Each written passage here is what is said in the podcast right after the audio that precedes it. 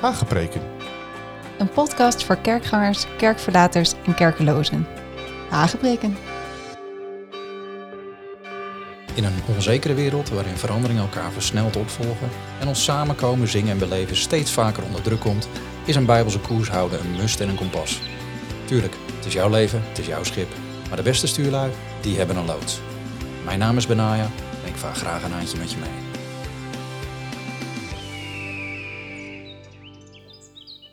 Hallo, leuk dat je luistert naar Hagepreek opnieuw. In de afgelopen 13 afleveringen in deze serie is er al heel wat de revue gepasseerd over hoe God tot ons kan spreken. Ik weet echt niet hoe lang we nog in deze serie blijven, maar ik ga nog eventjes door, want ik, ja, ik probeer gewoon zoveel mogelijk te delen van wat, wat mijn ervaring is en wat ik terug kan vinden in het woord. Ik hoop dat ik je daarmee versterk en bemoedig, dat je er veel aan hebt. Over Gods stem verstaan gesproken. Mijn lieve vrouw vroeg mij afgelopen weekend of ik nog e-mailreacties had gekregen of reacties via de site. Een typisch mooi voorbeeld, denk ik, van hoe God werkt door indrukken. Zij vroeg zich namelijk af of de e-mails zo aankwamen. Ze had het gevoel dat er iets fout zat. Nou, wat denk je? Ik de site checken. En inderdaad, er zat iets fout. Bij de laatste makeover van de Saint Canaan site was er iets misgegaan blijkbaar. Mensen kregen wel te zien dat hun bericht was verstuurd, maar het doorstuuradres bevatte een komma, waardoor de berichten niet bij mij aankwamen. Nou, slordig natuurlijk, maar vooral jammer. Dus bij deze, mocht je geprobeerd hebben mij eh, te pakken te krijgen via de site, dan is het uitblijven van reactie aan mijn kant uh, dus het gevolg geweest van een typfout. Heel stom, maar ik hoop uh, alsnog van je te horen en dit keer wel vragen, aanvullingen of opmerkingen te kunnen beantwoorden. Een welgemeend excuus van deze kant. En tegelijkertijd herinnerde dit voorval mij aan iets wat Miriam en ik bewust hadden gecheckt voordat wij in het huurdersbootje stapten. We hebben namelijk ook de tijd genomen om elkaar op dit vlak beter te leren kennen. Nou, om dat even toe te lichten, misschien in het kader van het verstaan van stem een leuke anekdote. Toen God mij uiteindelijk de ogen opende naar 13 jaar vrijgezel zijn en uh, bij uh, Mirjam bracht, wilden wij voorbij alle vlinders in de buik zeker weten dat God ons inderdaad bij elkaar had gebracht. En vaak is het zo dat je voorbij het initiële datingseizoen een verkeringstijd ingaat met een, een enorm hoog roze wolkgehalte. Waarbij het belangrijk blijft om in de gaten te houden dat er meer is als dromen en hormonen. Uh, want ik noemde dat geloof ik al eens eerder. Zoenen is bij uitstek een bezigheid die twee mensen zo dicht bij elkaar brengt dat ze onmogelijk meer iets fout aan elkaar kunnen zien. Dus om dan nog objectief na te kunnen denken is, uh, is vrij lastig. Desalniettemin, als je serieus bent over het feit dat je, zoals het woord zegt, niet langer van jezelf bent, maar gekocht en betaald, dan heb je Jezus niet alleen aangenomen als redder, maar herken je hem ook en erken je hem ook als Heer van je leven. En moet je even voorbij de hormonen gaan en wel zeggen van Heer, is dit mijn maatje voor het leven? En, en ik noem dat expliciet even, want heel veel christenen zeggen dit wel heel makkelijk, hè, Heere Jezus. Maar niet iedereen is ervan doordrongen dat een Heer geen werkgever is. Een Heer heeft daadwerkelijk zeggenschap over het leven van zijn dienstknechten. En het hoeft zeker niet negatief te zijn. De Heere God heet niet voor niets in de volksmond onze lieve Heer. Het is een Heer die ons niet meer slaven noemt, maar vrienden, zegt de Bijbel in Johannes 15. En zonen en erfgenamen van God door Christus. Um, desalniettemin betekent het niet dat we hier nonchalant mee om kunnen springen. Of dat we bij tijd en wijle onze eigen koers kunnen gaan varen, zonder dat we nou ja, daar eventueel uh, in problemen mee komen. En we dienen nog steeds een Heer. En daarmee dienen we ook allereerst zijn belangen. En dat is goed om te beseffen als je christen bent. En natuurlijk is er een groeiproces. Paulus spreekt van kinderen, van jongelingen, van vaders. Maar op een gegeven moment leg je kinderlijke dingen af en verwacht de Heere God ook dat wij volwassen worden. En daar hoort verantwoordelijkheidsbesef en rekenschap bij. En vooral als het op uh, relationele en hormonale kwesties gaat, is dat nog wel eens lastig. Maar vanuit dat gezichtspunt wist ik dat het cruciaal was dat wij ons niet zomaar aan elkaar zouden verbinden, omdat wij nu eenmaal hyperverliefd waren en de beste maatjes. Maar naast de onvermijdelijke chemie en het verlangen van ons beiden om samen verder te gaan door het leven, wou ik zeker weten dat Miriam ook Gods stem kon verstaan. Want het laatste wat ik wou, dat als God mij bijvoorbeeld zou vertellen om iets te gaan doen of ergens heen te verhuizen, is dat ik zelf Miriam moest overtuigen dat dit was wat God van ons vroeg. En als zij zelf God te pakken kon krijgen, of hij haar, dan kon ik gewoon zeggen, check het zelf maar. En dus, bij wijze van extra bevestiging, hebben we toen aan de Heere God gevraagd om ons onafhankelijk van elkaar een Bijbeltekst te geven. Een Bijbelgedeelte dat zou spreken over ons leven samen. Nou, toen ik dat voor het eerst aan uh, Mirjam voorstelde, was zij een beetje verbaasd. Um, een beetje nerveus. Zij studeerde toen in Zweden, terwijl ik in Nederland aan het werk was. En we zagen elkaar één keer in de twee maanden. En de tekst zouden we daarom onafhankelijk van elkaar op een papiertje moeten schrijven om dit TCT met elkaar te delen. Nou, dat is best spannend natuurlijk. Ik bedoel, hey, hoeveel versen staan er in de Bijbel? Nou, 31.102 om precies te zijn, maar dat is even een detail voor de mensen die dat interessant vinden.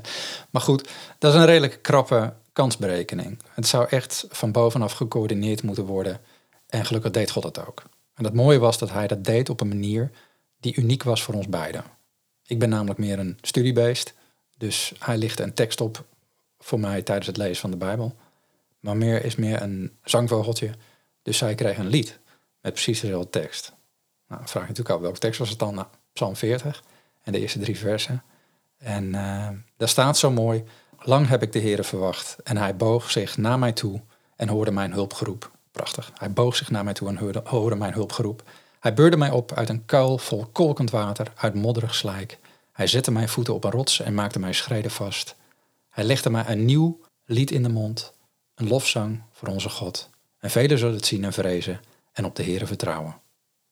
Nou, los van het feit dat dit een enorme bevestiging was voor ons beiden, dat God een plan had met ons beiden als man en vrouw, moet ik zeggen dat in de loop der jaren deze tekst ook wel heel erg nadrukkelijk is vervuld. Want wat hebben we om hulp geroepen en wat zijn we vaak in kokend, kolkend water beland of uit modderige poelen getild. Maar we staan nog steeds.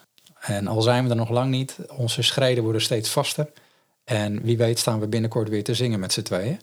Maar de worstelingen in ons leven zijn zeker door veel mensen gade geslagen, zoals de psalm zegt. En laten we hopen dat het anderen inspireert om ook op de Heer te vertrouwen. Dat is wel ons gebed.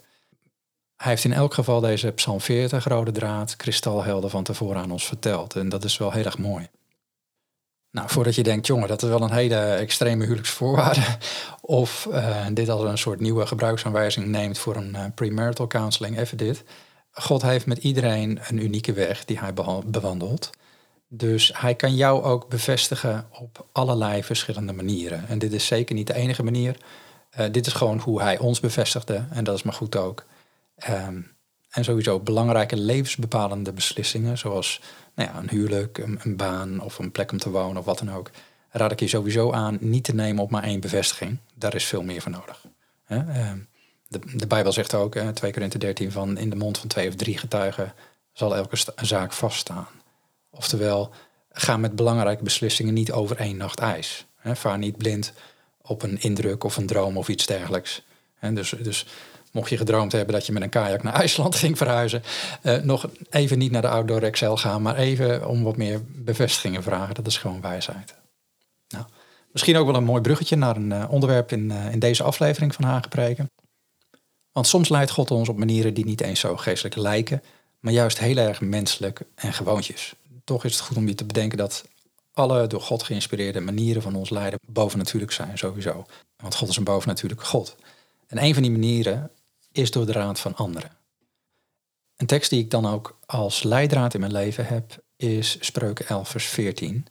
Als er geen wijze raad is, komt een volk ten val, maar er komt verlossing door de veelheid van raadgevers. Mensen die mij kennen weten dat ook. Hè, sommige vertalingen zeggen in de veelheid van raadsleden is veiligheid. Dat noem ik ook heel vaak.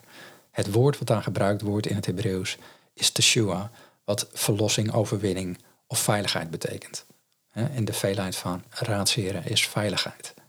En dat met name Teshua, uh, veiligheid of verlossing of overwinning die God bewerkt. Nou, ik heb genoeg bijbelschoolstudenten begeleid om te weten dat er altijd jonggelovigen zijn die ervan overtuigd zijn dat hun eigen indrukken of verstaan van Gods stem nagenoeg zuiver en of veilbaar zijn. En helaas blijven sommige mensen hun leven lang daarin uh, in, in hangen. Maar Paulus zei het al, we kennen ten dele en we profiteren ten dele. 1 Korinthe 13 vers 9. En dat is het mooie van het lichaam van Christus. We doen het niet alleen. Je kunt wel denken dat je onveilbaar bent, maar dat ben je niet. We hebben elkaar nodig om het complete plaatje te krijgen. Zelfs als jij zelf denkt te weten wat er aan de hand is, als pols in het lichaam, dan doe je er toch goed aan om een slag om de arm te houden. Gewoon omdat we allemaal ten dele kennen. Dat is gewoon zo. En, dat, en, en vooral als hormonen in het spel zijn, of emoties, of stress, dan is het raadzaam om je in je onderscheiden jezelf niet te isoleren. Zelfs niet in gebed. We hebben elkaar nodig om de wijsheid van God te ontdekken over situaties soms. En dit bewaart ons ook voor verkeerde beslissingen, maar die afhankelijkheid verbindt ons ook samen. En dat bewaart ons ook voor hoogmoed, of, misschien moet ik zeggen bedweterigheid. En zeker voor overmoed. En ik moet dan bijvoorbeeld denken aan het verhaal van de jonge koning Rehabiam. En dat vind je in 1 Koningen 12. Als opvolger van koning Salomo overlegde hij met de oudsten die bij zijn vader, koning Salomo dus, in dienst waren geweest toen die nog leefde. En ik, ik pak er even bij. Hij zei toen, wat raadt u aan om dit volk te antwoorden? Want het volk gaf hem commentaar, die hadden het zwaar gehad onder koning Salomo.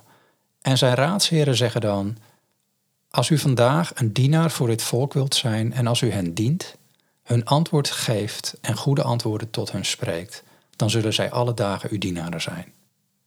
Maar staat er dan vers 8, hij verwierp de raad van de oudsten die zij aan hem hadden gegeven en hij pleegde overleg met de jonge mannen die met hem waren opgegroeid en bij hem in dienst waren. En hij zei tegen hen, wat raadt u aan dat wij dit volk zullen antwoorden dat tot mij sprak? Maak het juk dat uw vader ons opgelegd heeft lichter. Dat vroegen ze. En de jonge mannen die met hem waren opgegroeid spraken tot hem, dit moet u zeggen tegen het volk dat tot u heeft gesproken. Mijn pink is dikker dan het middel van mijn vader. Welnu, mijn vader heeft een juk op u geladen, maar ik zal aan uw juk nog meer toevoegen. Mijn vader heeft u met gezelsgehoorzaamheid bijgebracht, maar ik zal u met schorpioenengehoorzaamheid bijbrengen. Dan staat er dat Jerobeam met het volk bij de jonge koning Rehabiam kwam. En zij hoorden toen het snoeiharde antwoord zoals de raad van de jonge vrienden hadden gegeven. Nou, en toen was iedereen ontsteld. En dus scheidde heel Israël zich af van deze nazaat van David. En alleen de stammen van Juda en Benjamin, die bleven nog bij hem. En dat was weer precies zoals de Heer het al had voorzegd. Want God doorgrond de harten van mensen en hij wist hoe, hoe dit zou verlopen.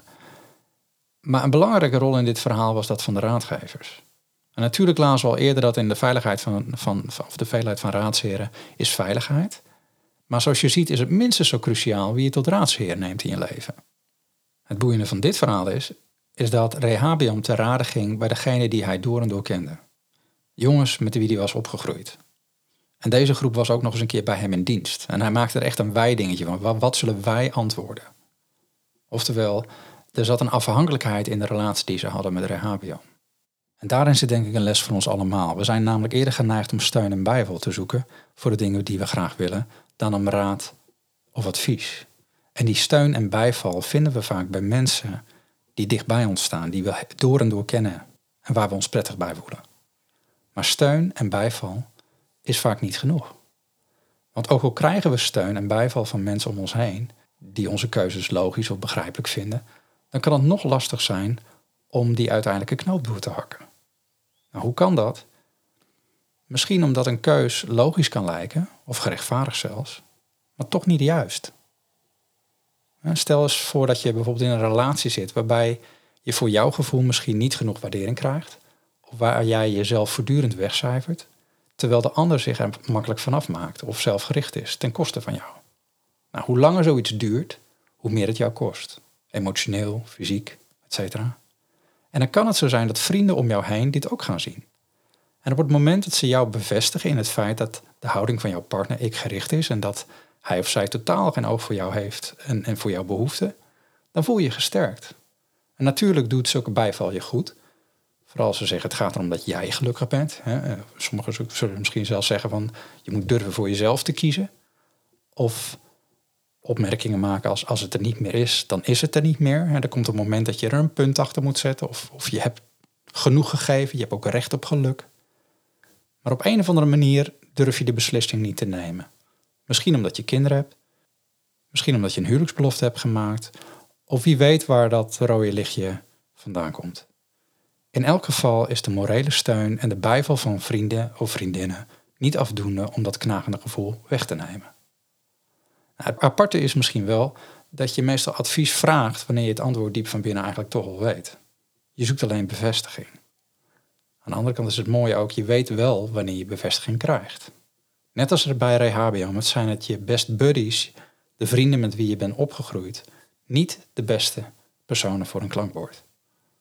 Juist omdat je elkaar zo goed kent en vaak veel met elkaar hebt meegemaakt, ben je geneigd om dingen te filteren, elkaar te matsen. Of in ieder geval zachter met elkaar om te gaan. Maar met raad is het zo, je bent niet op zoek naar begrip. Empathie en bijval is niet waar je voor kwam. En dat kan je namelijk ook door heel veel mensen gegeven worden. Zelfs de bakker op de hoek kan dat doen voor je. En gelukkig maar. Dat is, dat is alleen maar fijn. Maar wie om raad vraagt, vraagt eigenlijk om wijsheid. En wijsheid vraagt om een objectief en eerlijk antwoord. En die antwoorden en zienswijzen zijn niet per se prettig of fijn om te horen. Ik denk dat Rehabiam, die nog maar net de kroon op zijn hoofd had gezet, liever echt even koning zou willen spelen. Echt even weten wat het is om de lakens uit te delen en mensen te laten weten wie hier nu eigenlijk de baas is. En het antwoord van de raadsheren klonk hem dan ook veel te soft. En het beantwoordde niet aan zijn eigen idee van heerschappij. Nee, dan, dan kwam dat verhaal van zijn vrienden kwam meer in de buurt. Dan was hij echt de man. En zoals met alles, advies kun je vragen, beslissen moet je zelf. En Rehabiam koos en besloot het anders te doen, met alle gevolgen van dien. Heel praktisch, wij zitten natuurlijk niet op de stoel van Rehabiam of op de troon. Tenminste, ik weet niet hoeveel koning op dit moment luisteren. Koning Willem-Alexander, als u luistert, welkom. maar misschien zit je in een situatie waarvan je eigenlijk niet weet waar je goed aan doet. Waar je het liefste Gods stem voor zou willen verstaan om te weten wat het juiste is. En daar heb je dan raad voor nodig. Daar heb je wijsheid voor nodig. Ik sta zelf met regelmaat in mijn leven op zo'n kruising. En als ik geen directe, sterke leiding van God ervaar, ga ik bewust te raden bij mensen waarvan ik weet dat ze me niet naar de mond praten, maar wel het beste met me voor hebben. Nou, nog even terug te komen op het aanloopje richting ons huwelijk. Misschien nog moeilijker dan het durven vragen om een Bijbeltekst als bevestiging, was raad vragen in een moeilijke voorperiode. Het was namelijk zo dat Mirjam nog een bijbelschool zou willen volgen in Zweden. We kennen elkaar lang genoeg om te weten dat we met elkaar verder wouden. Meer dan alleen lange avonden elkaar zijn ogen te kijken en te daten. Maar ik wist ook dat het goed was dat zij haar hartsverlangen zou volgen om een jaar van haar leven aan God toe te wijden in Zweden. Ik bedoel, wat kun je daarop tegen hebben? Het lastig was alleen, mijn zus was net overleden.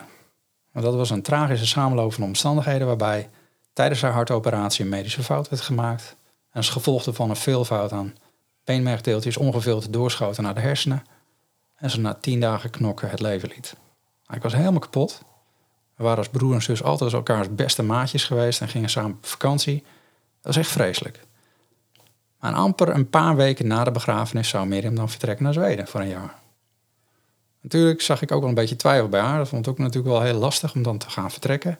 Maar ik kan er natuurlijk niet tegenhouden. Mocht het ook niet, kon het ook niet. En op dat moment ging ik naar een vriend van me toe, waarvan ik wist dat hij me niet zou matsen. En dat was Frank. Nou, voor de mensen die Frank kennen, die weten het. Frank is anders. Frank is Frank. Een eigenheimer die zijn, eigen gang gaat, niet binnen de lijntjes kleurt en ook niet in hokjes is te plaatsen. En ik hou van dat soort mensen. Mijn vrouw heeft het wel eens gezegd, je hebt allemaal van die aparte vrienden. En dat klopt. Veel van hen hebben een ruig randje en zijn wat, wat, ja, wat ongepolijst. Daar hou ik van. Dat maakt ze ook zo bijzonder.